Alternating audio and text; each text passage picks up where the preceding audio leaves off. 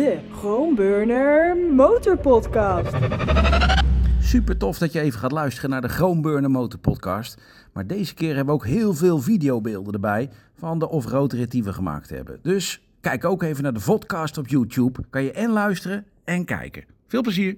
Welkom bij de 36e Groenburner Motor Podcast. Arno zit heel goed op te letten of ik alles doe wat moet gebeuren als je de podcast aankondigt. Eerst moet ik zeggen, dat is Arno Jaspers van Max Moto uit België. Dat is Joost Overzee van, eh, van alles en nog wat in Nederland.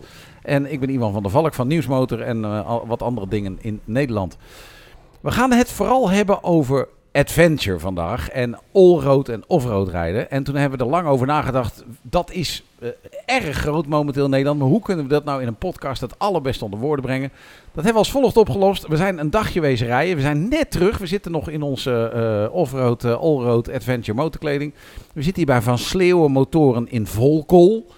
Ehm, en daarom zit, daar zitten we omdat hier Peter van der Zanden, dat is een bekende naam in offroad Nederland, eh, je kan ontvangen. Dan betaal je nou een bedrag, ik meen 250, 275 euro. Het ligt eraan. 275 met z'n Ja. drieën, toch? Ja, en 250 als je met z'n vieren bent, 250 euro. Dan is alles kant en klaar verzorgd. Motor, lunch, Ja. eh, rijden, benzine, eh, kleding kan je lenen als nodig is. En hij kent alle paadjes van Precies. Brabant. Het is echt fantastisch. Precies. Ja. We zijn dus vanmorgen gaan rijden. We hebben alle drie een Tenere 700 meegekregen. Ehm, fantastische motor voor dit wat we gedaan hebben. En we hebben half Brabant gezien in mijn beleving. Alles wat off-road is. En dat is idioot veel. Brabant heeft zo ongelooflijk veel off-road wegen. Waar je gewoon legaal mag rijden. Want dat is gewoon En, openbare weg. en wat ook is, ik weet niet of het jullie opgevallen is, maar ik heb niemand gezien die dan stond van eh, Nee. rustig aan Ja. of zo. Allemaal mensen zwaaien, mensen dingen. ja. Nou gedragen wij ons natuurlijk ook wel een klein beetje normaal. eh, Is ook zo. Als, als je mensen Ja. met een hond ziet of met een paard of weet Ja. ik veel wat. Dat is misschien eh, handig om als voorwaarde ook te stellen. Ik bedoel, wij zijn nu met Peter geweest. Peter weet hier de weg heel goed. En doet ook gewoon wat jij al normaal noemt. Iedereen die langskomt, daar zwaai je naar. Of je zegt hallo. Of eh, je doet vriendelijk, je knikt even. Maakt niet uit wat je doet. Als je een paard ziet inderdaad, nou dan ga je helemaal zachtjes pruttelend daar langs. En dan eh, op die manier geef je iedereen de kans om eh, eh, er geen last van te hebben. Hij heeft ook niemand laten zien vandaag. Terwijl normaal, eh, waar je ook 10 meter over het zand gaat, heb je gelijk eh, een bak Nee, maar-. Maar die, motor, die, motor die, die, die is ook gewoon hartstikke stil ook, Ja. weet je. Dat scheelt toch. Ja. Ik, ik zou hier niet voor mijn gemoedsrust gewoon met een open pijp rijden hier Nee. de, Nee. de Ja. hele dag. Nee. Echt niet. Ik denk net dat de reden waarom mensen hier ook zo vriendelijk waren, dat het misschien ook wel is omdat ze andere dingen gewend zijn. Dat er hier wel Mm. nog af en toe eens enduro's en crossers Ja, er voorbij ja, komen. ja. En ook gewoon ja, luide tractoren Ja, en ja. weet ik veel. En dan valt zo'n Tenere inderdaad echt wel Precies. mee. Hè? Ja, en, en Peter had ook gezegd, doe bijvoorbeeld geen crosskleding aan. Vind ik heel slim. Ja. Ja. Ga niet in zo'n fluo-geel eh, ding met een racenummer op je, Ja. op je rug eh, voorbij. Maar, Aluminium koffers. ja, precies. ja, ja. Ehm, jullie, jullie moesten natuurlijk wel weer in jullie eh kakkie oude mannenpakjes eh, Kakkie, dat is kakkie oude mannenpakjes. Of nou hoe, noemt dat in Nederland? Is het gewoon bruin of beige? Of, eh, ja, ik denk dat, dat je kaki bedoelt, maar... Ik, Kaki. Kaki ja, klinkt dat- nog beter. Is dit ja. kaki? Ja, is dat ja, kaki? jullie zaten in kakkie op de Ja. Yamaha. Ja, terwijl jij toch een hele andere kaki kleur hebt dan ik. Dus oker, eh, oker geel kakkie eh, of zo. Nou ja, whatever. Het mosterdgroen. Nou. Jullie waren klaar Ja. om naar Dakar te rijden natuurlijk. Hey, ehm, ehm, misschien kan jij even vertellen, Ar- Arno, wat we aan ondergrond gehad hebben. Want dat is best wel een aardige verdeling, denk ik, geweest. Eh, zal ik meteen met de spectaculairste beginnen. Hè? Dus eh, op het einde was er een stukje waarbij er redelijk wat modder was. Ja, ik weet waar we ook meteen Ja. het punt tegenkwamen. Het punt wat ik bij iedere off-road, all-road rit tegenkom. Waar je oftewel net op je bek gaat of net niet. Dit keer was het net niet. voor ons alle drie trouwens, wat ik ook wel een beetje een prestatie vind. Maar ehm, ja, dus we hebben van alles gehad. Hè. Die modder, modderputten, dat is altijd het moeilijkste. Het had gisteren redelijk hard geregend. En dan wordt het echt glibberig en glad. En je ziet niet wat er onder het wateroppervlak zit. En dat vind ik heel Soms zijn ze heel diep. Ja, Gewoon, ja, ja. ja, ja, echt Zo, waar. Ja. meter nou. Wel Dus dat vind ik dan eh, heel verraderlijk. Maar verder was het vooral een, eh, een goede mix van gravel, zand en uiteraard ook wat asfalt eh, Ja. tussenin. Eh, ja, dat gravel dat vind ik heerlijk. Ik heb vroeger zo redelijk wel geflat-tracked. Dat vind ik gewoon super leuk om die motor dan van achter een beetje te doen uitbreken.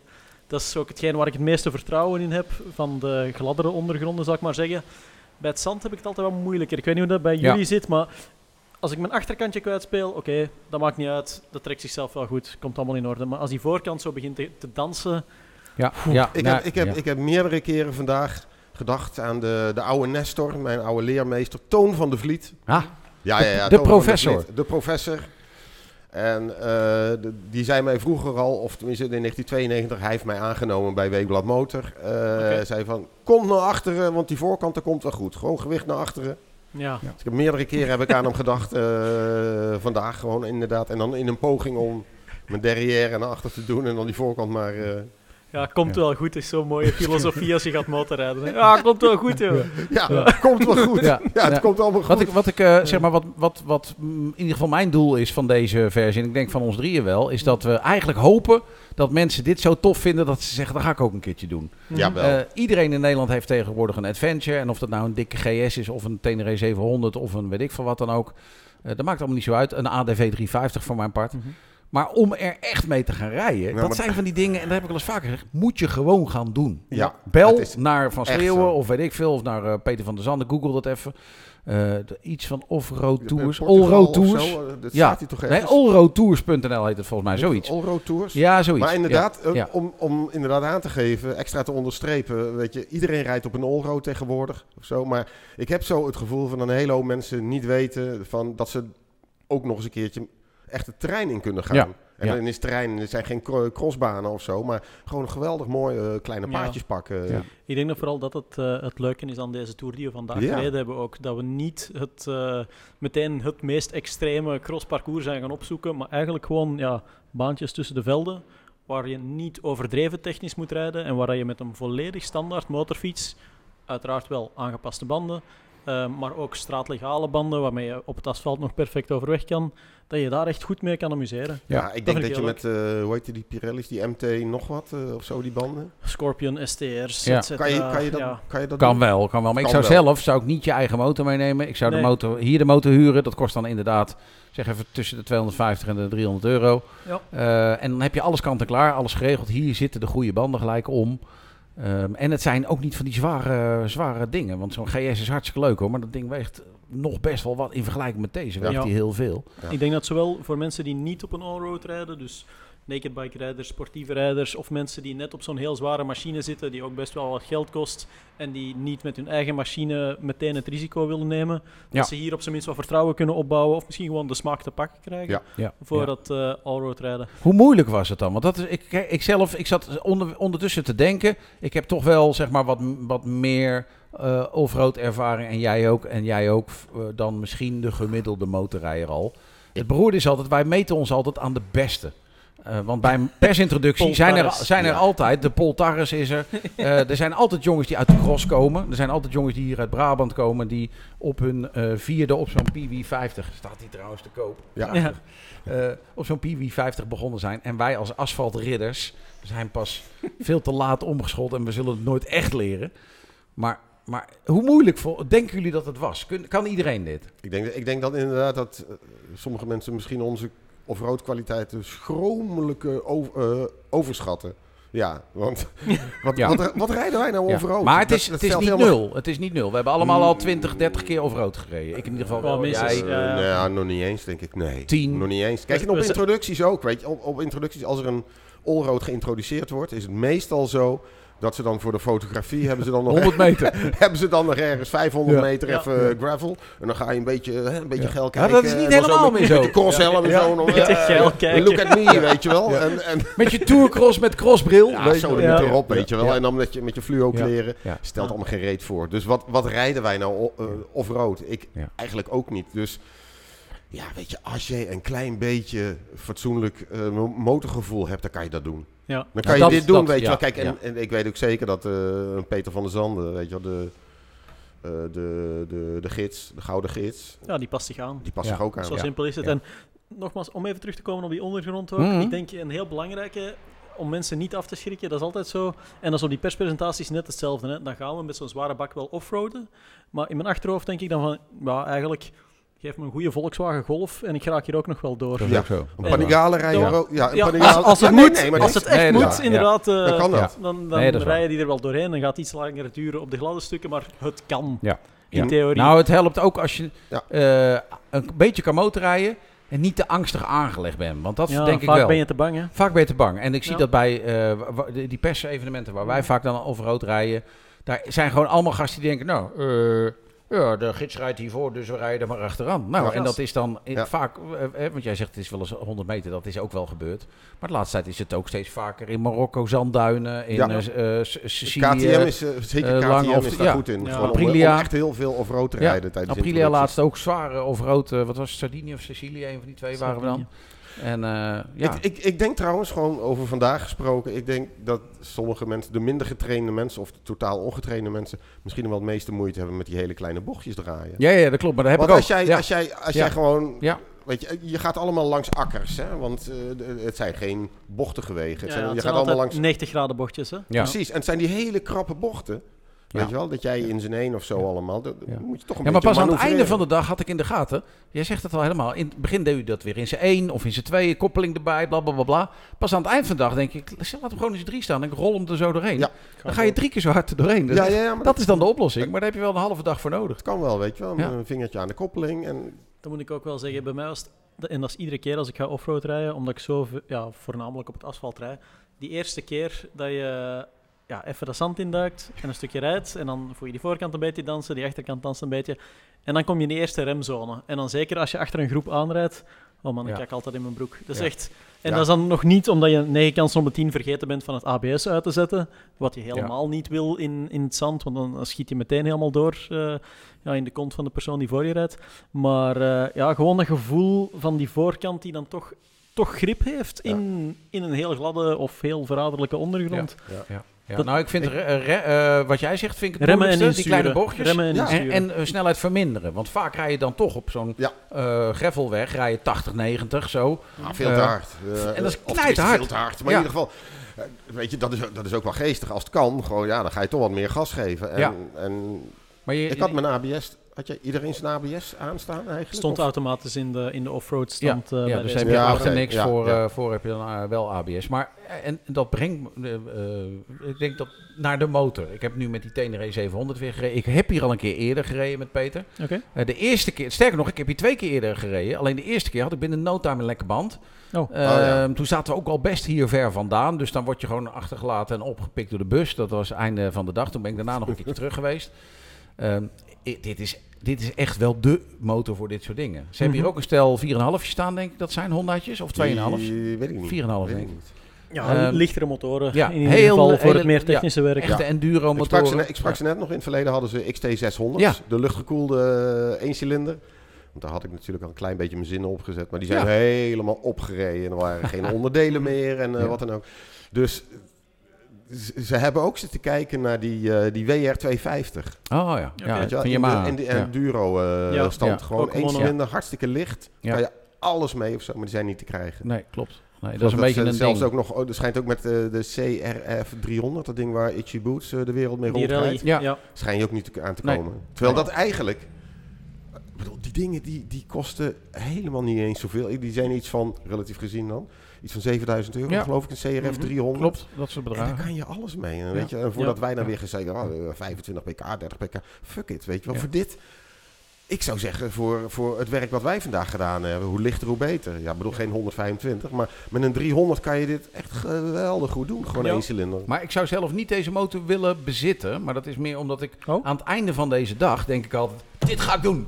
Dat is net zoals een dagje circuitracen. Aan het eind van de dag denk je, dit ga ik gewoon Ja, elke week doen. Ik heb een supersport nodig nu. Precies. Ja. Ik, dus dan, je koopt een supersport, eh, je bouwt hem een beetje op het circuit. eh, je koopt een Tenere 700, eh, je hoeft er niks aan te doen. Ik- ik- je zet hem neer en voor je het weet is het drie maanden verder. En dan denk je, oh ja, kak, ik heb geen één keer gereden. Ja, jij weet dat, want jij hebt Ja. zo'n ding natuurlijk. Eh, Ja. ja. ik heb zo'n 4,5 inderdaad. Ja. Ik heb zelf een 4,5 eh Je eh, je WR. laten nakijken, toch geloof ik? Ja, ja die, nee, die heb ik volledig laten reviseren zelfs.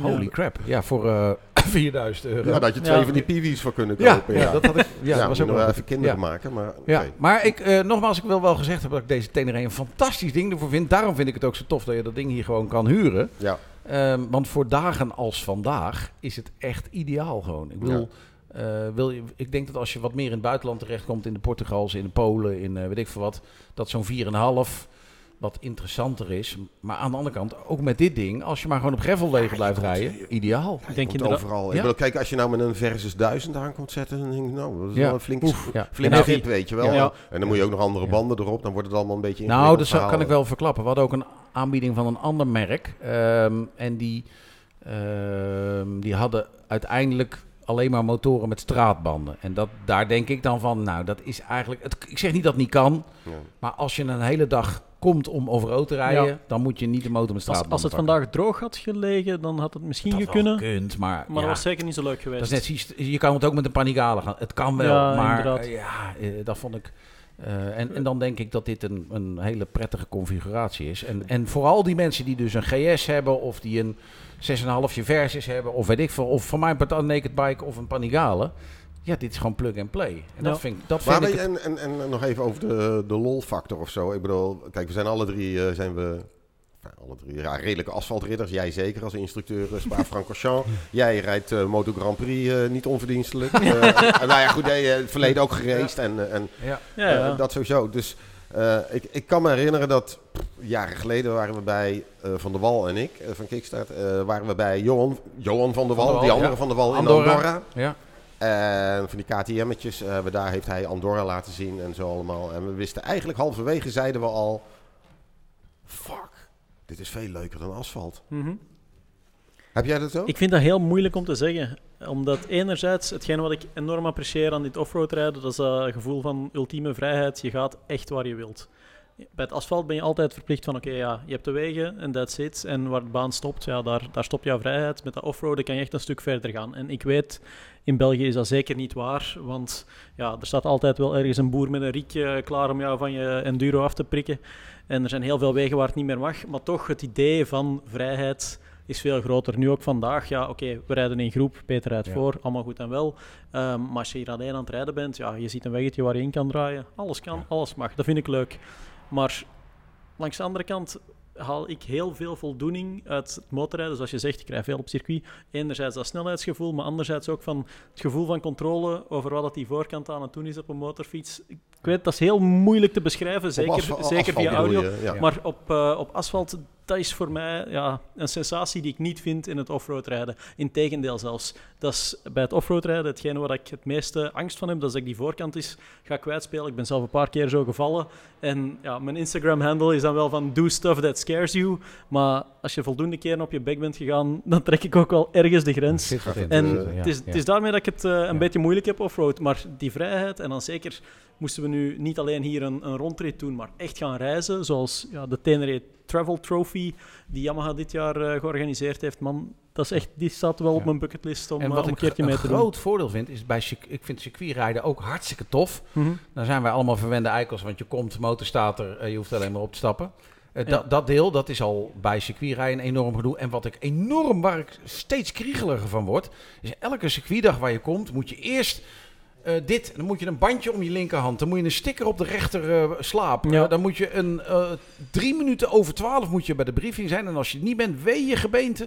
En dan moet je daarna exact in dat vakje gaan staan. Dan moet je dat friemeltje, Ja. moet je... Ja, en dan vooral ook liefst nog eerst zoveel duizend euro overmaken. Ja, ja, ja, Ja. een paar duizend Ja. euro. En Ja, ja, nee. in Qatar moet je ook het laten is- zien of je wel besneden bent ook. hè. Dat, is, dat, dat is echt zo. Heb ja. ik weer geluk. ja, het is echt zo. Ja, nee, Nee, dat- maar het, is, het is ook gewoon een stuk duurder en inderdaad veel meer regeltjes. Vandaar ook, maar op de openbare weg heb ik die sensaties dus ook. eh, Een goed stuk asfalt in België zeer moeilijk te vinden deze dagen. Maar, eh, Maar ik heb vandaag van wel meer, wat ik vaak heb, is als je met een clubje jongens aan het rijden bent, dat er een soort van giechelfactor is. Ja. En op het circuit heb je die giechelfactor alleen als je allemaal op pitbike zit, Ja. of op 125's, Ja, of ja, op een ja. frikandel. Als het maar een frikandel is die er niet voor gemaakt Ja. is, dan zit je te Ja. lachen, te lachen. En wij hebben dus aan het einde van de dag, hadden we eigenlijk, het venijn zat een beetje in de staart, Mhm. kwamen we in een paar kuilen terecht, nou niet te zuinig. shit, ja. Ik kreeg het zadel onder mijn Niet, kont, een niet soort, te zuinig. een soort schop onder mijn hol. Echt heel best. Ik zag jou daarna worstelen in een paar Fucking plassen. Nou, normaal mag jij met jouw lengte alleen maar met zwembandjes. Ja, en dat soort diepe, dat. diepe dingen. Zo diep waren ze. Dus het was... Dat, en dan, dan heb ik wel weer dat giechelmoment. Absoluut, Dat, dat, Ja. die, absoluut. Die, die, die factor waarbij je denkt, ja, maar Ja, dit het- is zo Het lachen. is, het is wel grappig wat je zegt. hè, Want ik, heel toevallig heb ik het er, vorige week heb ik er nog iets over geschreven in een column of zo. Weet je wel? Van, hey, van, weet je, als je, je noemt dan die 125, eh, doe een introductie van 125. Of, of laat iemand op een 125. En, je, en, en iedereen staat als, als kleine schoolkinderen. Te eh, lachen. Die, die hebben een vies boekje gevonden in de Ja. bosjes of zo. Staan ze te giechelen. Terwijl eigenlijk als je een introductie hebt van, weet ik veel, ZX10, Panigale of zo. Loopt iedereen allemaal zo. Ja, is allemaal zo serieus. Iedereen, iedereen, Ja. allemaal zo serieus en iedereen boven dat dashboard. Van, oh, hoe werkt dat? En, eh, Traction ja, control, ja, wat, bij- ja, wat, ja. wat meer traction Ja, control. een beetje ja. traction control. Ja. We zien nooit iemand, maar ja, dit, dit is ook, eh, ja, ik zou bijna zeggen, maak er een bedrijfsuitje van. Dit, Ja. dit is zo verschrikkelijk Ja. Ja. ja. Nou, dit is Twee ons werkdagen later is er niemand meer Nee, zonder, zonder plaaster om zijn arm of zijn... Ja. Nou ja, Nee, maar het was inderdaad die gigafactor. Holy shit, dat laatste stukje, man. Ik zag jou daar door die put gaan. Ik denk van, ja, oké. Point Ja. of no return is al lang voorbij. Gewoon gas open houden en zien we dat we Ja. er levend uitmaken. Maar Dat is ook het antwoord op al je rijvragen, ontdekte ik vandaag wel weer. Dat is, eh, is mij al eens vaker verteld. Het antwoord op elke vraag die je kan stellen in offroad rijden, maar vooral in de cross, maar ook wel met offroad rijden. Hij doet dit, hij doet dat, ik wil niet zussen. Hij doet... Het antwoord is altijd gas erbij. ja, meer Ja. gas. Meer Ja, gas geven. gas Ja. erbij. En eh, ik snapte dat nooit, maar en, het is en gewoon komt waar. wel goed. Ja, ik Als erbij Ja, komt wel goed. Ja, wat ik Wow. vandaag eh, heel tof vond, want ik ben ook wel eens eh, naar zo'n evenementje geweest met een eh, andere, niet nader te noemen merk. Ehm, maar welke, welke kleur? oranje. Eh, maar eh, we hebben, ik heb één of twee keer een bordje gezien met alleen voor bestemmingsverkeer. Ja. En voor de rest was Ja. het volledig legaal. Ja. En dat is zo lollig hier aan Brabant. Er zijn heel veel onverharde wegen die gewoon openbare weg zijn, waar niemand je lastig zal vallen. Wel even teruggrijpen naar het begin van de uitzending. Doe even normaal. Ja. Hè, doe even Ja. normaal. Hou rekening met anderen. Doe rustig aan. Zet er geen herriepijp op. Maar dan, dan kan het allemaal best hier. Gewoon. Echt. Hè, bij ons in de buurt, ik wo- ik woon in Amersfoort. eh, nou, ik denk dat Ermelo het eerste is waar een offroad weg ligt. Waar je gewoon officieel overheen mag rijden. En dat is best een eind weg. Ja. Ehm, maar dat vind ik wel echt het voordeel hier van, eh, van Brabant. En vooral dus meegaan met iemand van wie je weet dat, eh, Ja, dat, Ja. hij, Die eh, dat hij daar rekening mee houdt. Die gaat, het, het trekt hem niet helemaal open bij iemand die eh, daar woont of zo, weet je wel. En, en die zijn een gravelweg voor zijn deur heeft. Doe dat 100 meter verder dan van mijn part. Ja. Ehm, du- dus dat deel is wel een soort van basis. En daarna kan je jezelf helemaal de gek te lachen. Want ik heb vandaag enorm hard gelachen, gewoon weer een paar keer. Dat ik dacht, oh mijn god. En het- het is wel zo, verbaast me elke keer weer. Hoe meer er misgaat, of dat het bijna misgaat, hoe meer je gaat giechelen. ja, dat is absoluut een dingetje. Zolang het niet te misgaat. Nee, nee, Nee, dat, moet ja. moet niet Ja. eh, in het Ja, ziekenhuis eindigen. Ik, Nee. eh, ik heb nog een klein technisch detail, want eh, die, om toch nog maar even terug te komen bij die tenere, dat is, eh, dat is CP2 motorblok natuurlijk, waar ik helemaal gek van ben. Ik heb nog nooit met een CP2 gereden, die waarschijnlijk zo, ja, ik mag niet zeggen afgetrapt, maar goed gebruikt is. Ja. De motorfiets van mij die had een eh, 14.000 kilometer, maar ik ben er bijna zeker van dat het voornamelijk offroad kilometers waren. Eh, jij haalde al aan dat je bij het terugschakelen ook geen koppeling gebruikte, Klopt. gewoon even doortrappen en zo. Ik heb nog nooit een CP2 gehad met zo'n goede versnellingsbak als dit Ja. ding. Dus als ik nu thuis Ja. kom, mijn MT-07 Ja. die gaat afzien van begin tot einde. ik wil ook zo'n soepele versnellingsbak. Ik heb echt al, ja, ik denk gemakkelijk met 10 van die motorfietsen gereden en altijd zo dat hakerige gevoel in de, in de boîte, Klopt. Eh, zoals Ja. ze dat in België dan zeggen. Ja. En hier zo Ik hoor wat je ontzettend soepel. Ja. Dat was echt heel En wat ik heel inderdaad vaak doe, is, maar dat is eigenlijk klungeligheid. Eh, opschakelen zonder koppeling, nou, dat kunnen we allemaal. Dat doen we ook vaak. Alleen ik kom vaak, eh, vooral als sta, vind ik het lastig om eh, de koppeling erbij te pakken. Gewoon door de, de houding van mijn hand en de houding van het koppelingshendel en Ja. weet ik veel wat. Dus ik doe dan vaak dat ik hem net even het gas dichtdraai. Dan valt hij vanzelf terug een versnelling omlaag als je je voet er- erop zet. Ja, ja, gewoon zonder dat je de boel sloopt. Eh, dus, dus dat vind ik erg prettig. En Mhm. over dat staan, daar moeten we het ook nog over hebben. Oké. Want staan is, of roodrijden is staan, vind Ja. En dat hebben we vandaag heel veel gedaan. Eh, jij zegt kont achteruit. Nou, ik, vind, ik hang, eh, hang zelf liefst tegen de tank aan met mijn, met mijn, met mijn, met mijn knieën, zeg Met je maar. kruis. Eh, en en dat, daardoor eigenlijk... Nou, ik, ik- het is niet zo dat ik nou aan het eind van de dag super moe ben of zo. Nee. Dat ik het qua, qua Nee, conditie nee, niet aan moet- kan. Helemaal niet. Nee, Niet zeker eens. bij al die knippen gewoon, weet je wel. Je zorgt, op, een natuurlijke manier ga je gewoon zorgen dat, dat je knieën het een beetje opvangt. Gewoon die, Mhm. die, die kniehoek, die, die bewegen mee. Ja, maar Ja. mensen zijn wel eens bang, eh, heb ik gehoord, dat als ze uh, of rood gaan rijden zo'n dagje, dat ze het qua conditie niet aan kunnen of qua Nee. eh, Cool. fysiek. Ja, wel, Maar dat heb ik eerlijk gezegd ook al gehad. Hè. Die perspresentaties dat we soms gedaan hebben, ik kan me echt momenten herinneren, eh, zowel met KTM als met Triumph, dat er echt momenten waren. En dat is dan meestal ook nadat je de motor voor de vijfde keer hebt opgeraapt. Ja. Dat ik denk van, holy shit, ik ben helemaal kapot en dan nog moeten rechtstaan. En dan Ja. nog zoveel kilometer naar huis en dan zie je weer dat bordje van ja, de makkelijke route of de moeilijke route. En iedereen slaat richting de hardcore eh, enduro section. Ja, dan ben ik ook gewoon back af. Ja. En vandaag, oké, ja, we hebben misschien allemaal een beetje gezweet, maar het was nu niet om te zeggen dat het zo'n Nee. eh, topsport was. En dat was heel aangenaam. nog één ding over die motorfiets of zo. We hebben de versnellingsbak gehad of zo. Ik vind de injectie vind ik een heel, heel, heel belangrijk punt. Bedoel, want we hebben allemaal meegemaakt, bij, zeker bij de vroegere injectiemotoren of bij dikke eencilinders. Weet je wel, dat als jij inderdaad dat bochtje van 90 graden draait, dat die, pot, dat die in één Ja. keer up, afslaat of zo allemaal. Ja, En dan wat gebeurt er dan? Plonk, Ja. weet je ja, wel, dat afslaan. kant. Dat vind ik wel een super eh, Maar belangrijk dat, punt. eh, dat zo'n blok gewoon wel blijft lopen. Ook al, ook al Trekt je overal draai je door, de kleinste, kleinste hoek of zo. Weet je wat, dat wel... Ik heb wel eens een paar keer gehad, maar dat is vooral in het begin nog. Toen ik dat eh, in te lage versnelling en dan een koppelingetje erbij pakken. Dat die bijna afslaat. En dan hoor je, hoorde ik wel een soort van startmotorgeluid, zeg maar. Tjing, alsof die eh, eh, wel zo goed als al aan het afslaan is. Mm. Dat hij bijna... eh, en dan vind ik hem ook qua oppakken op het gas... Maar uiteindelijk is dat mijn gebrek aan techniek. Maar het is niet zo dat ik nou vond dat hij super goed op de injectie was, zeg maar. Op dat Mm. punt. Ja. Hè, dat, dat, eh, maar dat lag meer aan, aan mijn eh, eh, eh, onkunde. Dat kan En- niet. Nee, dat Ja, kan, dat nee, kan nee, niet. nee, nee, dat kan gewoon niet. Later, Nee. later op de dag ging het veel beter. Maar dan eh, pak je een versnelling hoger inderdaad. Nee, ik... eh eh Nee. Ivan? Nee. nee. Nee joh. stel dat je is. Wilson. Ja, exact dat. Ja. Ja. Ehm, ik, nog een puntje, eh, kleding. Oh ja. Ik had eh, een prachtig setje. Ik zal wat merknamen erin gooien. Niet omdat ik er geld voor Triumph krijg, maar lingerie. eh, omdat ik dat, eh, dat- ja, ik had een eh, slip zonder kruis aan. Nee. Ehm, ik had eh, laarzen aan van Dainese. Die hadden ze me gestuurd. Dat zijn hele hippe, kekke laarzen. Offroad laarzen. Die horen bij een broek en een jas. Ehm, maar de je jas op de eh, wacht ik al een paar maanden op. Dus even op, je, op de tafel gaan staan? Ja, of zo? Come on, Ja, laten laat zien. zien, laat ja, zien. Voor de mensen in de Hier dan, kijk even. Ja, Oh. nou, we hebben ze gezien. ja, prachtig. Dat. Ja, dat was Eh, duidelijk. Ja. En ik heb een doorwaaipak aan. Dat is Kijk. van eh, de firma Revit. Eh, en een doorwaaipak vind ik echt wel een aanrader. Want je krijgt het anders best wel snel warm. Ik gok dat jij het... Jij had geen doorwaaipak aan. Je had een Stadler-pak aan. Ik heb een eh Stadler Tourpak gekregen en met dat er in de uitnodiging al stond van doe vooral geen eh fluo crosskledij Ja. aan, wat Ja. ik meestal Mhm. aandoe als ik zo ga offroad rijden, omdat ja, het wordt al snel heel sportief.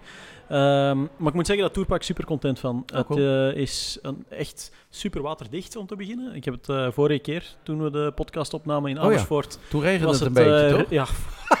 Regen van Antwerpen tot in Amersfoort en eigenlijk geen druppel doorgekomen. Maar er zit ook een eh, SAS-systeem in. Vraag me Kijk. niet waarvoor die Kan afkorting je staat. Maar ehm, dat wil zeggen dus dat er doorwaaien sleuven in zitten. Maar heel Ja, ja. leuk. En ja, ik zou zeggen, ik laat het zien.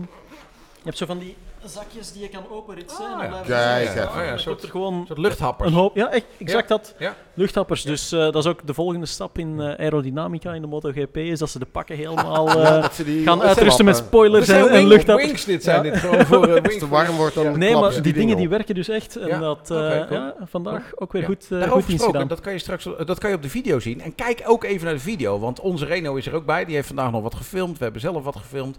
Als je deze nou hoort op een van de podcastplatforms, kijk ook even de video, want we hebben best wel veel eh, aardige beelden gemaakt. Ja. En misschien dat we achter aan de video nog Ja, wat losse beelden kunnen gooien. Eh, hè, dat je in ieder geval eh, wat meer ziet wat we nou echt gedaan hebben. Van, van hoe, ja, hoe, hoe hard het ook kan. Precies. Hoeveel, Een beetje, een beetje versnellen graag. Ja. ja. Ehm, Helm, even kijken. Wat, had- jij had een hele hippe jas Ja. aan en dat is een Dirt stond erop. Ja, er stond Dirt de op. Dirt, serie, Dirt Series van eh Revit. Ja. De meest gezochte jas eh, van het westelijk halfrond op dit moment. Mosterdgroen of zo? Of, eh, ja, ook een ge- geel mosterdgroen of zo allemaal. bloedgroen? Ja, gaat hartstikke goed. En oh ja, dat is, er zit standaard protectie in. Ah, dat is fijn. Ja. Maar, weet je wel, als je, net zoals wij, gewoon echt van die... Ja, dit is ik klasse durf 1 wel te protectie zeggen- dit, denk ik. Ik durf wel te zeggen van die hardcore enduro gasten zijn, Ja, zeg maar. exact dat. Haal je die protectie eruit en dan doe je deze aan. En dit is een... eh, Ah ja, een beschermingsvest. protectievest, eh, ja. Ja, beschermingsvest. ja, ja. Die kan s'avonds Ja. in de slaapkamer ook nog dienst doen. Die Eh, inderdaad, die, je- die, die wordt eigenlijk tot nu toe alleen maar gebruikt in de slaapkamer. Maar nu ook... eh, Maar je kan ook, want ik heb dan in het pak van mij zit, je hebt protectie 1, eh, level 1 en level 2. Ja. En ik heb nu, eh, ik weet niet of dat dan 1 of 2 is, maar het hoogste level zit Ja. in dit pak. Dat en zit dat hier- voelt dat echt zit hier- super fijn dat zit hier Ja, ook dat is in. Dat, Ja, ja, het, zit, dat- het zit super goed. ja zo'n vest Ja. vind ik dan. En in de broek, wat voor broek heb je dan? Dit is ook, eh, een, eh, ook van Revit, een eh, Dirt Series. eh, oh jezus, Met protectie ook. component. Ja. En dan protectie. niet die, eh, dat, dat blauwe gespul, zeg maar, dat slappe spul, maar gewoon echte protectie. Eh, nee, wel dat, eh, volgens mij in mijn knieën zit dat slappe spul. Oh ja, dat is niet zo dat best. is slappe spul. C-Flex. eh. ja, dat is C-Flex, Ja, dat, ja, ja, dat is een beetje... dat. Wordt hard- eigenlijk is wordt dat hard in, een- mijn heupen zit volgens mij, in mijn heupen zit volgens mij niks, maar Ja, ja, ik val, ik val Ja. eigenlijk nooit. Je hebt al dus- zelf van jezelf van die glas- en loodheupen. ja.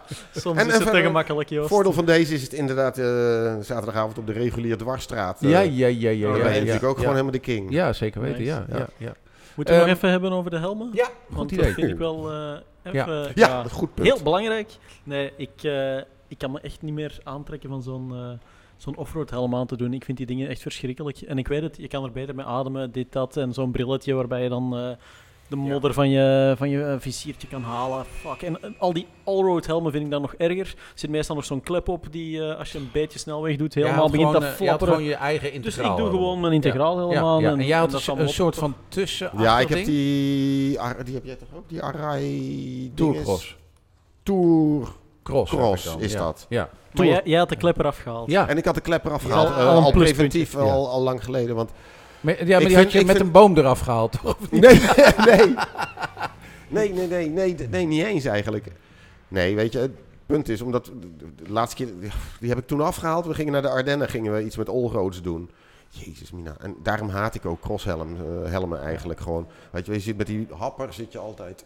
Ik had die ding, ook, al, ja. ook al heb je die Tourcross doet Ja. het goed, want die heeft eh, ruimte ertussen, Klopt. tussen de klep. Ja. Dus daar gaat de wind doorheen. Maar gewoon verder, eh, kijk, die allroads tegenwoordig, die lopen ook allemaal boven de 200, eh Ja, zo ongeveer. Of Op in je ieder geval GS 150. met zo'n ding En vanaf is- 100 gaat ja. die de ding toch Ja. als happer Ja. fungeren, zo'n eh, zo'n klep. Behalve Helemaal- bij helemaal die wij waar. hebben dan inderdaad. Ja. Maar ja, weet je. En ik vind de pasvorm ook van een crosshelm, ik vind het altijd minder. Ja. Ja. Nou, ik had dan gewoon de minder. Tourcross op, zeg maar. Ja. Dus dat is dan een soort van kruis Ja, hybride en- ja. dinges. En ja. ik, had, ik had een crossbril bij me. ehm, want ik dacht eerst, nou, crossbril is ook nog wel weer eens handig. Als de, maar toen dacht ik, dat is eigenlijk onzin. Dus ik heb gewoon met een eh vizier wat je open Ja. dicht kan doen. Dat werkt eigenlijk perfect. Eigenlijk voor dit soort werk Ja. werkt dat gewoon hard. Maar ik denk dat, er, oh, resume over Vlakke, dat het zo is dat iedereen met gewoon zijn eigen motorkleding kan komen. Met Ja. zijn eigen eh, helm. Ja. En laarzen, als je een beetje motorlaarzen hebt. Ik zou niet met bergschoenen of zo, dat soort dingen zo gauw komen. Maar motorlaarzen Ik zou heb dan gewoon wel- tourlaarzen aan. Ja, dat is goed. Ja, dat gewoon is makkelijk, goed. Ja, gewoon wel laarzen. de hele, hele simpele... ja, maar geen hoge schoenen of zo. Dat zou Nee, ik zelf geen crosslaarzen, Nee. echt niet hoor. Eh, Ja. Nee. Dat is allemaal veel te overdreven, Ja, vind nou ik ja, als je ze hebt. eh, Ja, als je ze hebt ja, wel. zou Als ik je ze zeker hebt wel. Maar goed, oh, daarover gesproken en dan nog even terugkoppelend naar die, eh, die helmen. Eh, het is geen verplichting. Weet je, ik zie zo vaak mensen die rijden om een 1290 eh, Super Adventure of zo met een crosshelm op, op de snelweg. Dan denk ik, jezus, ja, dan, dan doe je het echt alleen maar voor de looks. Ja. Ja, Want nou, je hoeft je echt niet te schamen ja. om gewoon een integraal helm op te zetten. Ja. Dus. Ik vind het altijd veel comfortabeler. Het is veel stiller. Het, de wind glijdt veel beter weg Ja. van, je, Ja. van je kop en zo. Dus, dus ja, Ik heb een eh, half uur staan, Ja, Arno. op, En normaal die ben jij de ceremoniemeester. Ehm, dus we hebben Ja. al het eerste half uur erop. We gaan zo even de reclame in van onze fijne sponsor uh, Groenburner. En daarna komen we terug met de vaste rubrieken. Maar daarna hebben we het ook nog wel een beetje over eh all roads en adventures. Doe je goed. ja doe, Dankjewel. doe je zeker goed. Dank- oh, leuk, dank je, leuk. dank Tof. Bij Groenburner vind je alles op het gebied van motorgear. We hebben het grootste aanbod motorkleding van de Benelux tegen de scherpste prijzen. Met meer dan 100 merken is er altijd wel eentje die past. Dus kom snel langs of bestel via onze webshop. Je vindt ons langs de A59 bij Nieuwkuik of natuurlijk via groenburner.nl. Groenburner Motorgear. Fun starts here. Oké dan. Ja, Zijn we Eh, weer? ja. Ja. zijn we weer voor de tweede helft. Zal ik Ja, deze dan maar inzetten? Ja, ja dan eh, Ehm, eindelijk professioneel graag. Ja.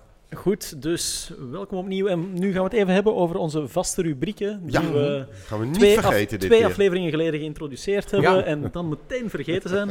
Eh, ik stel voor dat Joost even begint met de lezersbrieven. We hebben er een Ja, paar dat ik- binnengekregen. vind ik een goede. Sterker nog, ik krijg net een eh, brief binnen die via IBAN is gegaan. En eh, dat is van een zekere heer Michel. En die Michel, nou blabla, hartstikke leuk, enthousiast eh, dit. En die vraagt zich inderdaad af... eh, Lieve Joost. Neem je tijd. Lieve Joost, inderdaad, ja. Wat zat je haar weer goed. Oh. Nee, ehm, eh, waarom ik de, de nieuwe Suzuki die eraan zit te komen, de GSX. GSX en dan 1000. T in ieder geval, waarom ik dat ding hopeloos noem. Ja. Eh, en eh, hij zegt wel, ja, hij zegt dat ik dat niet echt met eh, feiten onderbouw en eh, bla bla bla. Oh, en daar zegt hij ook bij van dat K5-blok van Suzuki, de viercilinder, waar ik eigenlijk aan refereer van hopeloos of zo.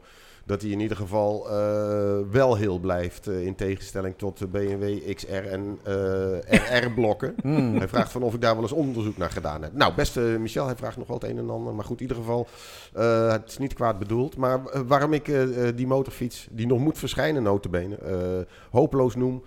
is eigenlijk een beetje een, een kleine verzuchting. Eh, omdat eh, ik dan, ja, dan toch wel gehoopt had dat er dan technologisch echt... Suzuki wel weer eens even iets eh, nieuws zou doen. Ehm, en dus, ja, dus uiteindelijk dan toch weer teruggrijpt op die K5. Dan denk ik, jezus criminelen. Daardoor noemde ik hem hopeloos eigenlijk, omdat ja, dat is niet helemaal de juiste bewoording. Ik had het beter gedateerd kunnen noemen of iets dergelijks. eh, Oudbollig. of zo. Oudbollig Heb of zo. Terwijl het helemaal geen oudbollig blok is. En eh, daar wil ik nog even op terugkomen inderdaad. Want je hebt ook die Suzuki GSX 1000S. Dat is die... Ja. Ja, Ja, die- dikke S1000. naked. Tour Sport. de eh, Super Naked? daar. Ja, die Super Nee, niet die Naked. Oh ja, de GT bedoel je? de. GT. De GT. GSX dergelijke. 1000 GT. Die ook met dat motorblok rondrijdt. Ook, ook met een motorblok eronder. En dat is inderdaad... Nou, motorblok is gewoon een fantastisch, weet je. En ik ben ook de laatste die zal zeggen van... joh, maak maar weer een nieuw motorblok... eh, wat wil miljoenen kost... terwijl het misschien niet per definitie beter is. Hm. Snap je? Maar ik vind die motor... Voor de rest vind ik eigenlijk ook een... GT vind ik een beetje een... Ja, in het vervolg toch even alles wat beter onderbouwen, hè Joost? Ja, Een beetje ja, voor- Joost. beter voorbereiden. Ja, Beter ja, voorbereiden, ja. ja, dat. Ik had eh, ook nog, eh, wat dat betreft, had ik ook nog een eh, berichtje gekregen van eh, een eh, niet nader genoemde Ducati-dealer uit Zolder in België, die ons erop wees dat de Ducati Monster wel nog steeds met desmodromische Ja, ja, ja. klembediening Moet ik- dat is mijn- echt, dat is eh, mijn fout. bij jou Ja, zijn. ja, moet je ja, bij hem klopt. zijn. Ik haalde Ja, dat op de Multistrada, Multistrada ja. V4, die heeft dat niet meer. En de Mon en er kwam een beetje in dezelfde tijd kwamen die uit. Daar heb je helemaal gelijk in. Eh, de Monster heeft, eh, eh, is helemaal geen Monster meer, maar hij heeft nog wel desmodromische klepbediening. En dat heeft de Multistrada Ja. V4 dus niet meer. En dan had ik ook nog een, ja, dat is eigen pijperij weer. Hadden we ook nog een brief binnengekregen van een niet nader te noemen marketingmanager, van een niet nader te noemen merk. Die ondanks dat zijn merk ook wel eens aan de beurt is, heel positief was over onze podcast. Nou jongens, ga staan en maak een diepe, een diepe buiging. Ik, nee, ik vond het echt tof. Ik vond het echt klasse. Er zijn Ja. zat eh, eh, marketingmanagers eh, die, eh, die eh, iets minder Dat zie je veel. volwassen iets zijn. minder enthousiast. Ja, We, mogen, Ja. we, we noemen hem niet, hè? We noemen hem niet, nee. Nee, gaan we Nee, niet doen. dat is ook gaan we zo niet doen. Nou, is er nog iets eigenlijk? Eh, er- ook nog iets wat binnen was gekomen. eh, van een zekere Moto Snacks. U weet wel, bekend van Ja. radio, bandrecorder en elektrisch mes. eh, Moto Snacks. Eh, die heeft het over. eh, over ehm, eh, eh, oh, die komt terug op het, verhaal van influencers wat we hadden. Oh, Oké. Eh, nou, bla bla bla, dat is allemaal interessant. En, eh, maar op het laatst zegt hij dan van... Kunnen jullie eens timestamps in de omschrijving zetten van het te bespreken onderwerp? Aha. Als bepaalde onderwerpen voor iemand niet interessant zijn... dat. kunnen ze makkelijk doorskippen. Kleine moeite, groot plezier. Ja. Ik snap er geen ene Ja, reet van. Ik zal het uitleggen. In, eh, op de. YouTube-video kan je eh, er tijdcodes bij zetten in de omschrijving. En dan als je alleen maar het verhaal wil horen over eh, de lezersbrief in dit geval van Motorsnacks... Dan, eh, dan kan je op het dingetje klikken en dan spring je in één keer naar lezersbrieven. Maar dat willen wij helemaal niet. Eén willen we dat niet, omdat het fucking veel werk is en daar zijn we veel te lui voor. Ja. En twee willen we eigenlijk dat je gewoon het hele ding luistert. En dan niet alleen maar doorklikt naar eh, de- eh, dat soort dingen, zeg maar. Dus eh, Ja, goed geprobeerd, maar dat doen we niet. Snacks gewoon de hele aflevering luisteren. Dat zal je Ja, leren. Dat zal Dat zal je leren, Ja. ja. Oh. Ja, hoe vaak hebben we hem genoemd? Motorsnacks?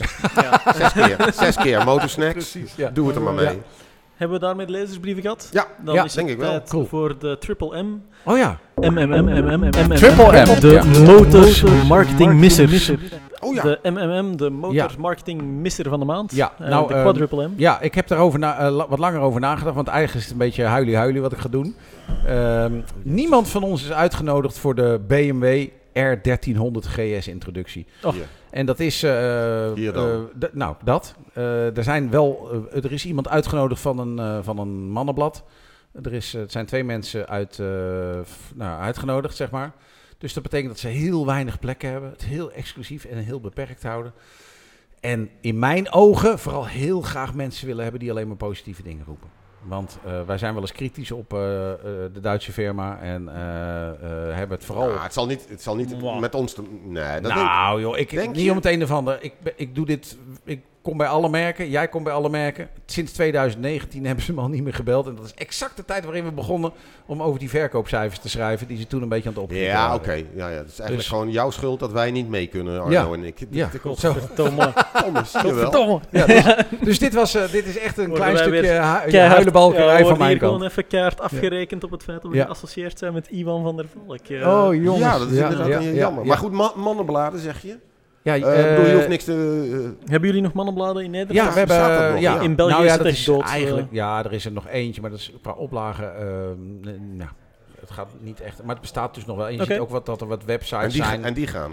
daar, Play- daar gaat Playboy. Magazine, Ja. Wat zeg jij? Playboy Magazine. Playboy Nee, dat, ik weet niet of dat nog bestaat. Ja, dat bestaat nog wel. Playboy bestaat nog. Ah, kijk, dan hebben jullie er twee. Hier, daar hebben we Ja. al twee, ja. ja, ja, ik, ja. ik kan zeggen dat ik in de penthouse heb gestaan, jongen. Zo, hé. Met je kale gleuven, of niet? Dat was vroeger altijd een ding, hè, bij eh, dit eh, 1200. Ja, Oh, sexy. ja, dat ja. is gelijk al een stuk minder interessant. Maar ik kan het wel zeggen, in ieder Ja. geval. Wauw, Ja. dat is wel cool. Ja, Die bestaat is- niet meer trouwens, de penthouse. Nee? Nee, in Nederland niet in ieder geval. Nee, Ja. nee. Ja. Tot zover de was dat motor... genoeg huilenbalk? Ja, dit eigenlijk absoluut, genoeg absoluut. Ik keur hem goed als motormarketingmister van de maand. Klasse. Ehm, waarbij we door moeten naar onze derde rubriek, Rare Nieuws. Oh ja. Reno runt even de intro van het Rare Nieuws. Reno, Reno, het Rare Nieuws. nieuws. Raar nieuws. Raar nieuws. Jij had er eentje en ik heb er eentje. Wil jij Ja, het beginnen? rare nieuws is dat eh, de politie heeft laten uitzoeken dat eh fluogeel niet zo Oh, opvallend is na eh, een, een jaar dragen. Net zo opvallend is als blauw. Wat? Ja. Ja. Eh, het Dat is een beetje dat het een hele rare inderdaad- uitkomst van Ja. een onderzoek. Het zit ook een beetje vaag in elkaar in mijn beleving. Eh, de politie heeft in Nederland als huisstijl een eh, blauwe jas. Eh, Ja. ja. maar de, de politie eh, zelf heeft een blauwe jas met een gele streep erop. De politie motorrijders hebben al jaren een gele jas. Een volledig gele jas met, met een zwarte streep erop. Nou, eh, wilden ze daar eigenlijk een beetje vanaf. Eh toen zei ze een, hebben ze TNO gebeld, dat is een onderzoeksinstantie in Nederland. En die hebben heel toevallig geconcludeerd dat gele jassen, en dat klopt ook wel, na een jaar zo vaal geworden zijn. Ja, ze vervagen gewoon helemaal. Klopt, ja. En, en wat ik nou erg lollig daaraan vind, ik ben erachter gekomen dat hoe duurder je jas is, dus als er een Gore-Tex laminaat in zit, is het bijna onmogelijk om die niet vaal te laten worden. Dat heeft dan te maken met een extra laagje wat erom zit. Dus hele goedkope jassen met fluogeel, die blijven gewoon keurig geel, die kan je tig keer wassen. Maar hele dure jassen met fluogeel, als je die een paar keer wast of te veel in de zon hebt, eh, dat, dat heeft te maken met het materiaal waar Gore-Tex mee gecombineerd wordt. Dus Gore-Tex eist een bepaald niveau stof. Die waterkolom, eh, weet ik veel, 3000 liter water, daar weet ik veel, zoiets tegenhoudt. en dat spul... Zijn eh, huiswerk gedaan. hoor. ja, nou, eh, een waterkolom van 20 mm of zo. Dat Ja, soort, dat soort waterkolom. eh, ja, die, die wordt er dan Dat. opgezet en dan mag er geen water doorheen komen. Dat dat dus volgens de kenners zo is dat als je dat combineert met eh Gore-Tex eist daar bepaald materiaal voor. En dat is dan of poly- polyamide is dat dan volgens mij in plaats van polyester. ik Anyway, je kan er Anyway. geen fluo op plakken. Daar Anyway, je kan daar eh fluo op plakken, maar dat is na een jaar eh, vaal. En Ja. dus zegt de politie, weet je wat, dan gaan we gewoon met blauwe jassen rijden met gele strepen. Want toevallig wilden we dat ook al. Nee. Dat is inderdaad wel nieuws. Ik- Joost, Ja, jij ik- altijd in het fluo. Ja, altijd. ja, ja, altijd. Vertel ons er meer Altijd. over. Maar Nee, die nee, dat is heel goedkoop spul, hè? Nou, nee, nee. Ja, ik kan wel, ik kan wel weer... eh, Ik heb er zo'n ekel aan. Ik, kan, ik ook, maar ik kan Ja. er wel weer over zeiken. Maar gewoon als ik gewoon in het verkeer zit, als fietser, als eh, dingen, weet ik veel, eh, automobilist, motorrijder of zo, en ik zie andere motorrijders. De, het enige waarmee ze opvallen, in mijn beleving, is een knalgele helm. Ja. dat bleek ook uit het onderzoek overigens. Dat eh, eh, de gele helm, want ze hebben gekeken naar eh, zeg maar, eh, opvalwaarde, even Mhm, kort gemaakt. mhm. En, en dat je ziet wat, wat het is, hè, of eh, dat het politie is. Ehm, die gele helm hielp, hielp heel erg mee aan het herkennen als zijnde een politieagent. En die blijven volgens mij ook, want die aanbesteding gaat niet over de helm. Ja, als, jij, als jij een rijtje auto's zit, of je zit in druk verkeer, Ja. er, steekt altijd, er steekt dan zo'n zo'n fluo helm bovenuit. Altijd Je raak. weet altijd Ja, even je weet rustiger aan. altijd dat, dat daar een motorrijder Ja. zit Ja. of zo. En dat heb ik met fluo kleding echt nooit. Nee. Ja, Nee. dat is in België ook wel eh, een dingetje waarbij dan heel veel motorrijders, eh, ja, ik zal nu niet zeggen dat ze meteen een witte RT gingen kopen en dan een, eh een fluo oranje. In België reed de politie lange tijd met fluo oranje Ja. Dat ze dat dan ook kochten omdat ze Ja. dan toch net iets vlotter door het verkeer raakten. Ja. Ehm, Maar die heb je in Nederland ook hoor, die nepagenten. ja, exact Ja, dat. hè. En dan de vestjes, eh, zo de overvestjes polite Ja, in de plaats van ja. police. Oh, Maar ik, ik heb zo'n heel- hekel aan fluo. En oké, ik moet nu toegeven, ik heb mijn huiswerk hier niet voor gedaan. Maar ik weet dat er een tijd geleden een onderzoek is geweest. In Engeland was dat. En dat ging dan over eh, reflecterende en retro-reflecterende kledij. Met andere woorden, fluo-kledij en kledij met echt ja, licht reflecterende Mhm. banden. Ja, ja. Eh, en wat daaruit bleek was eigenlijk dat ehm, het dragen van fluo-vesten vooral een vals gevoel van veiligheid gaat Ah, geven bij de drager, ja. waardoor die ook al eens meer risico gaat durven Ja. nemen. Terwijl dat de enige manier om echt beter gezien te worden in het verkeer net retro-reflecterende Ja. banden waren. Ja. Hetgene wat in België ook op alle politievesten Ja, dat is dat, aangebracht. maar dat is alleen s'nachts. En wat, Ja. Even, even een onderscheid maken. Ja, van nee, s'nachts bleek uit het onderzoek dat is als, ook dat... als eh, het licht erop schijnen, et cetera. Ja. Eh, Het onderzoek bleek s'nachts exact, eh, of on- ongeveer even zichtbaar. Geel, blauw, weet ik veel wat. Oké. En ik, zie, die- ik zie ja. s'nachts, er valt toch geen helemaal niet op, uh, fluorgeel. Nee, nee, nee. S'nachts. Ja. Dat doet Ja. niks. Ja. Tot zover raar nieuws. en jij had ook nog een Oh, raar nieuws, toch? Ja, ik had raar nieuws. Ehm, maar het is raar nieuws. Ja, hoe moet ik dit... Ja, eh, hoe moet is nou raar samen- nieuws of niet? Ja. Ik vind het een beetje raar. starten of niet? Mesh. Jullie kennen het Ja? merk Mesh. Mesh. Ehm, ze komen met een 125cc scooter. Ja, En dat vind ik best vreemd, Ja. aangezien ze niets in dat genre in het gamma Nee. hebben. en een 300 ook trouwens. 300 komt er inderdaad 300, ook ja. bij. Maar ehm, ja, uiteraard als eh Belg zijnde focus je dan meer op die 125. Dat is bij ons een heel groot eh, stuk van de. Ja. markt. Ehm, ik vind het een beetje raar. Ik denk Dat ze ik- zich daar nu ja. meteen mee gaan bezighouden, terwijl ze daarvoor echt toch wel gefocust waren op meer zo de retro bikes. Ook die retro 125's die het in België niet slecht doen. Ehm, ze Ik heb hebben me nu voorgesteld hoe ik denk uitgebreider dat het gamma. gegaan is. Nou, Ja. laat horen. Eh, zoals we weten wordt Mesh gewoon in China gebouwd. Eh, er wordt een eh, bestelling gedaan. Joh, doe ons eh, 100 van die motoren. Eh, dit zijn de, de specs. eh. Mhm. Blijkbaar hebben ze bedacht, we willen ook scooters gaan doen. En die scooters, je maakt mij niet anders wijs, die zijn gewoon verzonden door een Chinese fabriek. Die waren er al. Die waren er, of die waren er al, of die waren op papier er al. Dan eh, is het net zoals heb ik laatst geleerd. eh, eh, zo werkt het dan ook in marketing. Er komt iemand langs. Bij, in een, eh, bij- Adidas komt er iemand langs. Of bij Puma of bij eh, Nike of weet ik wat. Er komt iemand van één Indonesische fabriek of één Vietnamese fabriek is het. Komt langs. Zegt, kijk, dit model hebben we. Dat kan toch wel een Nike zijn. Of dit kan toch wel een Kruif zijn. Of een weet ik wat. Dat is een goed idee. Pats plakken we erop. Ik denk dat dat zo ook gegaan is. Ze zijn met die scooter bij Mesh geweest. En Mesh heeft gedacht, nou, waarom Ja. ook niet? Let's Zou do it. zo- Ik denk zou niet zomaar dat kunnen. Mesh, die gaat toch niet zelf een scooter ontwerpen, zeg. Nee, Daar geloof ik echt geen Nee. fluit van. ik ook niet. Maar dat is het hem net, hè, want voordien pakte Mesh wel altijd uit met het idee van kijk, eh, wordt in Frankrijk ontworpen, Hmm. Frankrijk stuurt aan, Ja. in, het wordt in Ja. China gebouwd of Mhm. het wordt in lage loonkostlanden gebouwd, dat allemaal wel. Maar het is echt wel ja, de CIMA die er dan achter zit. Daar hebben we het in eerdere afleveringen ook al over gehad. Ik kan me moeilijk eh, voorstellen dat dat nu het geval was, Nee. inderdaad. In mijn Dus is het vandaar, gegaan. Vandaar dat ik het Ja. ook categoriseer bij Ja. raar nieuws. Ja, Het is helemaal geen waardeoordeel. Het zal waarschijnlijk eh, wel goed rijden en dit en dat. Ehm, misschien moet ik er maar eens mee gaan testen. Maar in ieder geval, raar. raar. Precies. Ja. Goed, Goed. Oké. afgerond. Ja. Gaan we verder gaan met het eh allroad verhaal? Ja, waar we aan dat was eigenlijk wel het plan, ja. Want hebben de- hebben, hebben we nog wel wat tijd voor. eh, eh, Ja, we hebben de motor overlopen, we hebben de kledij overlopen. We hebben de ondergrond overlopen. ehm, en, en wat ik dan nog zou willen eh, kijken, wat je kan uitbreiding kan doen. Ik bedoel, we hebben vandaag fantastisch gereden hier in Brabant. Ehm, maar het valt me elke keer op. Er is een soort van fuik waar ik inloop. Ik heb, vanavond, ik heb vandaag top gereden. Ik ga vanavond ga ik op eh, internet. En dan zie ik dat Peter, die doet ook in Portugal Ja. evenementen. En eigenlijk moet ik, is dat mijn volgende ding wat ik wil gaan doen. Alleen daar geldt een beetje hetzelfde voor. Wat volgens mij voor veel mensen geldt van off-road of all-road of adventure rijden in Nederland. Je moet het gewoon doen. Mhm. Dus ik heb dat dan nu op mijn lijstje staan. Want er zijn zo ontiegelijk veel locaties waar je fantastisch offroad kan rijden. Ja. Waar je dagenlang... We zijn met eh, Yamaha, met die Tenere eh, World Raid, zijn we in Spanje geweest op een gegeven moment. Hebben we eh, op één dag eh, 3,500 kilometer offroad gereden. Wauw. Fantastisch. En, en ja, uiteindelijk geldt dan voor mij, wat volgens mij voor heel veel mensen geldt. Je moet het gewoon gaan doen. Ja. Ga het gewoon doen. Ga naar de site, vul het formulier in, eh, Mhm. bel, eh, zet het in beweging en ga het doen. Want, want joh, er is niet normaal als je sommige dingen ziet van mensen die in Engeland, in Wales kan je prachtig over rood rijden. Je kan in Duitsland prachtig over rood rijden. België is wat ingewikkeld. Frankrijk is ook lastig, heb ik begrepen. Mhm. Italië is lastig. Spanje is makkelijk. Portugal is makkelijk. Ja.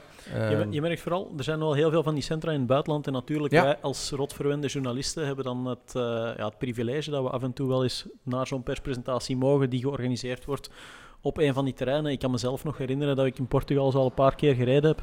Ik weet, bij, bij W-motors? Nou, ik niet hoor. ja, Ja. bij, bij Wim Motors, Wim eh, Motors, Belgische ja. dealer, die heeft in, eh, in Portugal zo'n park waar je ook terecht kan. Eh, het is een beetje dezelfde stijl als, eh, als wat Peter doet. Maar ja, dat is natuurlijk nog net iets anders dan in Brabant. Hè. Daar Ja. kom je pas echt in heuvellandschappen, kom je pas echt technischere stukken. En vooral, daar heb je nog de ruimte om te gaan rijden. Maar waar ik eigenlijk naartoe wou, dat is van al die offroad dingen die jullie al gedaan hebben. Zijn er nog zo memorabele die zijn bijgebleven? Ik, ik geloof, bij Triumph hebben we één keer ook in Marokko gezeten. Dat was Ja. met de Tiger 800. Dat was eh, ja, tussen Marrakesh en het, eh, het Atlasgebergte. Dat vergeet ik nooit. Oh. Voornamelijk omdat daar eh, ja, een collega-journalist, wat ik eerder al aanhaalde, eerste bochtje induiken en dan vergeten dat het ABS voor, eh, voor de weg nog aanstaat. Ik zie hem zo nog van een berg afduikelen. Niet, niet te ernstig, hè. ik bedoel, hij is er allemaal goed van afgekomen. Eh, de motor was zel- zelfs heel, maar op dat moment hoor je gewoon zo de tik, één keertje door het ABS, tik, tik, twee keer door. Oh ja, tik, ja, Ja, tik, ja, tik, ja, tik. ja, ja. Dat was zo mooi, maar ik weet, jij bent met KTM zo al een aantal keer Ja. weg geweest, toch? hè? Ja, ik ben twee keer in Marokko geweest. Eén keer met, was ook wel grappig, met Bridgestone. Oké. Hadden ze een hele batterij motoren meegenomen, waaronder heel veel KTM's met gietwielen. Super slim, want eh, binnen no time waren al die velgen kapot. Dus eh, Wow. moesten er extra wielen ingevlogen worden, omdat eh, ze hadden geen... Je moet gewoon spaakwielen hebben voor zoiets natuurlijk, want die gietwielen die gaan allemaal kapot. En één keer met KTM, en daar herinner ik me vooral van. Nou, één dus dat we binnen eh 10 minuten Maxime Hartman kwijt waren, omdat hij gevallen was. En, en ja, daar heeft hij laatst wel prachtig over verteld in een eerdere aflevering. Misschien Ja. kan Reno even het, link- het linkje boven ons hoofd in de, in de YouTube plakken. Super, super fijne kerel, maar dat was gewoon heel erg gauw klaar. En daarna zijn we toen met eh, KTM de zandduinen in geweest. En dat is als je, als je ooit bent wezen snowboarden, dat is snowboarden met de motor. Dat is zo ontzettend. Je moet hem echt zo. Je moet altijd gas blijven houden, want zo gauw als je het gas dichtdraait, dan lig je op je rug voor je motor. Ja. Dus eh, dat is echt wel echt super. Dat vond ik wel een van de hoogtepunten van offroad rijden, zeg maar. Dat, dat die zandduinen, eh, waar, waar Marokko bekend staat, dat je daar dan achter in een soort van sliert en dan gewoon gas Ja. blijven houden. En, het is net alsof je door de sneeuw aan het skiën zo, snowboarden zo kom je automatisch toch ook weer uit bij die droom van Dakar. Hè? Ja, Dus, eh, daar hebben we het Ja. in de vorige Allroad aflevering ook al over gehad. Maar ja, ik weet, jij bent ooit naar de, de start van de eerste Dakar gegaan? Of hoe, hoe zat dat nu ook al? Nee, niet de eerste. Nee, maar gewoon als, eh, Als puber. Ja, als puber. Gewoon eh, daar naartoe. Moest ik Ja. zien. Gewoon Ja. helemaal, eh, helemaal idolaat van, eh, Ja. van Dakar dat ik Ja. was. De enige Dakar waar ik naar de start geweest ben, dan ging de Dakar niet door. 2000 en... Eh, Acht? Acht, ja. Ja, Ja. ja. ja, Naar eh, Lissabon. Ja. En toen waren we daar en toen was het gelijk, was het gelijk wel klaar. Schiet mij één ding te binnen eigenlijk. Ook eh, omdat het gaat over bijzondere ervaringen. En eh, dat, dat, dat zit eigenlijk wel een beetje verpakt in een, in een tip. De Oké. tip van de maand. Oh, Leuke rubriek trouwens. eh, Nee, nee, de nee. tip van de maand. Geen extra rubriek. Geen extra rubriek. Ja. Nee, nee, nee. Waar, ehm, bij de introductie van de F800 van BMW, eh, Zuid-Afrika. F800 GS. Ja, of, eh, F800. Ze hebben, ze hebben ook nog zo'n GT-ding Ja, gehad. eh, GS. Ja. Afdaling van, volgens mij was het de Zwartbergpas in, eh, in Afrika. Hartstikke leuk, mooi en aardig. Eh, maar, maar het ging iets te hard toch wel. Want ik zat een beetje te kloten van, kan je, moet ik nou eigenlijk met die ABS, hoe moet ik dat nou? Nou, allemaal. Ging iets te hard. Ehm kwam een, in een hele steile afdaling, knijpende bocht. En ik ging bijna stapvoets. Maar ga iets te hard, toen, toen, toen. En ga tegen die rotswand aan. Oef. Nou, niks, niks bijzonders. Gewoon allemaal, het zou niks aan de hand zijn. Waren het niet dat ik in mijn binnenzak had ik een notitieblokje. Met zo'n klein ringbandje eraan. Oké. Eén rib gebroken, twee, twee gekneusd. Oh, kak. Ja. dus het inderdaad. advies bij deze is, als je off-road gaat rijden... En dan wordt Geen altijd zo... notitieboekje Nou, in je binnenzak. weet je, wij hebben... Ja, wij sowieso. We hebben dan vaak een pen op zak. Eh, ja, nu Ja, tegenwoordig ja, is het ja. een telefoon. Maar dat zijn levensgevaarlijke dingen als jij off-road gaat rijden. Daar moet je echt serieus voor uitkijken. Want dit was een lullig ringbandje die gewoon even tegen een rotswand deed. Ja. Maar ieder- je zakken vol stoppen, gewoon, eh, dus je rugzak niet meenemen. Ja, maar je denkt van, ik kan even een je sleutels, de hele eh, whatever. bende, je Ja. schroevendraaier in je zakken stoppen. Kijk Ah, daarmee Zo uit. herkenbaar. Dus dat was eigenlijk een... eh, Ja, ik moet wel zeggen dat ik relatief weinig gevallen ben met eh eh, allroad en adventure rijden. Met, ik heb ook wel eens op een crossbaan gereden. Nou, dan heb ik er veel vaker naast gelegen. ja, maar dat wil je keer helemaal niet. Die klap, jongen. Oh, man, nee, maar man, crossen, jongen. Dat, jezus. Ik heb toen een keer op Fox Hill... Oh, Fox Hill in Engeland, Ja, daar ja. heb ik gereden. Nou, het was B-baantje eigenlijk en dan een halve ronde. Dat was die Fox Hill, dat was die, eh, die, die, die eh, hoe heet het, GP eh, Ja. motocross. MXGP. En dat werd, MXGP dat werd gecombineerd met een nieuwe Suzuki-introductie. Een RM, weet ik veel allemaal. En ik was uitgenodigd. Nou, moet je net, mij net Ja, hebben. Ik ja. denk, ja, dan maak ik ook mijn Komt feest, wel goed. een feest van. Dat komt zeker. Dat komt zeker. Komt Dus een wel. leren pak meegenomen. Ik had mijn racepak, race dingen. En dan gewoon een fantastische foto gemaakt. Dat ik niet down gewoon eh, die, die hoek om. En dat ging allemaal stilstaand. Ja. Nou, dat was allemaal voor de ongein. Dat was met onze grote held, eh, mijn grote held in ieder geval, Toon van der Vliet was daarbij en dergelijke. En, eh, maar goed, toen ben ik ook nog een half rondje over die baan wezen rijden. In die modder. Ja, dapper. Een half rondje kapot. vooral. Een half rondje. En ergens vlak aan het einde heb ik die motor laten vallen. Ik snel mijn helm afgedaan. Alles ondergekotst. Ik was echt helemaal binnenste buiten gekeerd. Oh, ik wow. was Ja, ja. zo verschrikkelijk totaal kapot. Ja. Oh, machtig. en ja. we hadden de avond ervoor en de middag daarvoor ook nog wel een klein borreltje gedronken, moet ik erbij Helpt zeggen. ook niet. Maar, maar dan nog, Jij drinkt geen kleine borrels, Jos, dat weet iedereen. maar dan nog echt, de, ik was echt duizelde aan alle kanten. Ik stond Ja. op punt om Hier, flauw te hier vallen. benoem je zo mooi het verschil tussen dat offroaden en allroaden. Hè? Want ik ben ook ooit begonnen met offroad in het Ja. idee van dit is allroad en het komt wel goed. Met, eh, ja, was bij Husqvarna. Die jongens die hebben of hadden in België een aantal heel goede enduro-rijders rondrijden. En ze deden dan ook ieder jaar een presentatie voor de echte crossmedia. En daar mochten dan af en toe ook een paar journalisten zoals wij, die voornamelijk straatmotoren doen, naartoe. En, eh, zo Big mistake. ja, big mistake. Echt niet normaal. Als je geen Ja. topsporter bent of zo, Ja. gewoon niet doen. Nee, Eh, ze nee, hadden ons nee. uitgenodigd hier in de buurt naar Veldhoven. Eh, een baan die volgens mij vergelijkbaar is met Lommel. Dus Ja, echt ja. gewoon een meter mul zand. Klapzand. Ex- exact dat. Ja. Dus losse zand, de ergste ondergrond die ik me kan bedenken. Eh, op misschien natte modder na. Anyways, we komen daaraan. Die Husqvarna's staan daar klaar. Die dingen zijn natuurlijk twee meter te hoog voor mij om op te kruipen.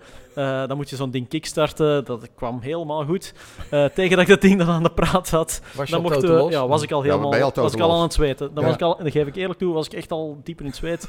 En dan moesten we beginnen rijden. En dan was daar Twan van Dijk. Ja, Ja, Twan ja, van Dijk, ja, ja, ja, natuurlijk. Nog zo'n eh, Ja. Nederlands fenomeen. Die, ja. ik weet niet waar hij nu werkt, maar Noppennieuws. een, ja, kijk, bij Ja. Noppennieuws dan. Ja.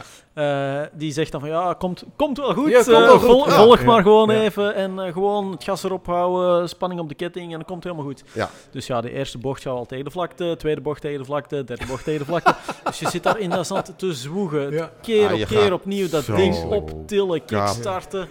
Dus inderdaad, één rondje gedaan, binnengekomen. Ik zeg niet dat ik alles uitgekost heb, maar man, liters gezweet. Ja. Ja. Ik ben die dag niet naar de wc gemoeten, dat zweet kwam er, kwam er zo uitstromen. Ja. Twee rondjes gedaan en toen was er uiteraard het obligate meisje van acht jaar op een roze crossmotor. Die je, die je komt inhalen langs de Lotte buitenkant. van Drunen, ja, die springt gewoon over je heen. Ja. Ja, toen heb ik het opgegeven en dan Ja. ben, ben ik wel nog even de enduro-rit gaan doen. Dat enduro-rijden ligt me veel meer, bepaal je zelf het tempo. Maar en dat is... is er niemand die pusht, Ja, maar het is goed dat jij dit benoemt, vind ik. Holy hoor. shit, ja, jongens. want, Ja, ja, ja. want vaak worden bij dit soort evenementen, zoals wij dat vandaag gedaan hebben, duiken er crossers op. Ja. Er is een groepje. En je dat is hebt, niet eh, je eerlijk. hebt andere mensen die... eh, en crossers die rijden gewoon helemaal het snot voor de ogen als het zand is. Op het asfalt pakken ze er dan vaak weer wat minder van. Dat is ook logisch. Maar dat is vaak heel intimiderend. En, en dat, is, dat kan je gewoon voorkomen door een evenement te doen zoals we het vandaag gedaan hebben. Eh, Ja, gewoon hier- even iets rustiger aan. gewoon iets normaal. Gewoon iets, eh, gewoon ja. normale eh off-road wegen. Nee, maar, onverharde Maak de link maar even naar circuitdagen, weet je Ja. wel. Vroeger Ja, kon je nog wel eens een keer, had je een klasse, dan kon je lekker meetokkelen of zo tegenwoordig. Alleen maar mensen met een S1000 RR die je... je Ja, ik eh, moet, eh, ik moet er inderdaad wel zeggen, aan. er Ja. zijn nog maar heel weinig dagen waar je, waarop je rijders met nummerplaten tegenkomt. Hè. Het wordt meer en meer zo echt Het is niche zo binnen de niche. allemaal. Ja, Ja. allemaal dikke kanonnen, allemaal S1000 RR. En eh, ja, hij is ook nog getuned, want hij liep niet zo hard. Ja, Ja, dat soort types. weet je wel. Maar, maar dus, eh, eh, als je zo'n evenement als dit gaat doen... A, kijk of het evenement is waar dat soort eh, mensen eigenlijk niet komen. En als ze er toch komen, joh, zorg dan dat dat losgaat van jou. Want, want dat heeft niks te maken met wat je met een eh, off-road, all-road adventure wil gaan doen, zeg maar. Ja. Ja. helemaal waar. Ja, Peter Ja. zei het ook al mooi, hè, van je draait zelf wel aan het gas. Maar langs de andere kant, als je dan in een groep zit waar iedereen echt wel aan de gas draait, dat Ja. niet normaal is, Ja. moet je toch Ja. wel Ja, maar dan eh, binnen- serieus wat wilskracht hebben om het niet te doen. Precies, dat, dat heb ik ook. je- Dat je in zo'n groep zit en dat je eigenlijk na twee eh eh, off-road stroken al denkt: Gadverdamme. Ja, ja, ja. Ja, ja, hier zijn we weer. de dag alleen maar afzien. Ja, ja, ja. en ja. meestal catch je er dan ook af en doe je jezelf zeer omdat je boven je Ja, en dan doe je het nooit meer. En dan is je motor kapot en dan is het dit Ja. en dat. En Huilen, allemaal huilen, ellende. huilen. Moet je Ja. niet doen. Ja. Ik denk dat we aan de tijd zitten, jongens. Ik heb geen idee. Ja, hier mogen we wel mee afronden. Ja. Ik denk eh, dat we nog even onze sponsor Chromeburner moeten bedanken. Dat we moeten zeggen dat de mensen kunnen mailen naar Motorpodcast.nieuwsmotor.nl heel belangrijk Ja. voor onze lezersrubriek. ja. En een extra Ehm, dank even aan Peter van der Zanden. Exact. Je Peter van der Eh, Zanden van, die- eh, hoe heet die site? ook Ja? Eh, hij heeft verschillende sites. MPS heet het aan de ene kant, zag ik. En het heet ook wel iets van eh Allroad eh, Touring of zo, weet ik veel. We Ja. gaan hem er even bij linken hieronder op Ja. YouTube. En dan ook op natuurlijk de website. firma Van, Van Sleeuwen. Sleeuwen, Ja. Van Sleeuwen. Want die kan het vaak die genoeg genoemd Die worden? Tenere's die staan daar, dus gewoon zorg dat je daar in volgol komt. Ja. Kan je ook nog wat gave vliegtuigen zien, want die komen hier heel laag over. Die Ja. F-16's en F-35's krijg je er gratis bij. Alright, wij waren Joost Overzee, Iwan van der Valk en Arno Jaspers. Heel veel bedankt voor het luisteren naar de Chromeburner Motor Podcast. Tot de volgende keer.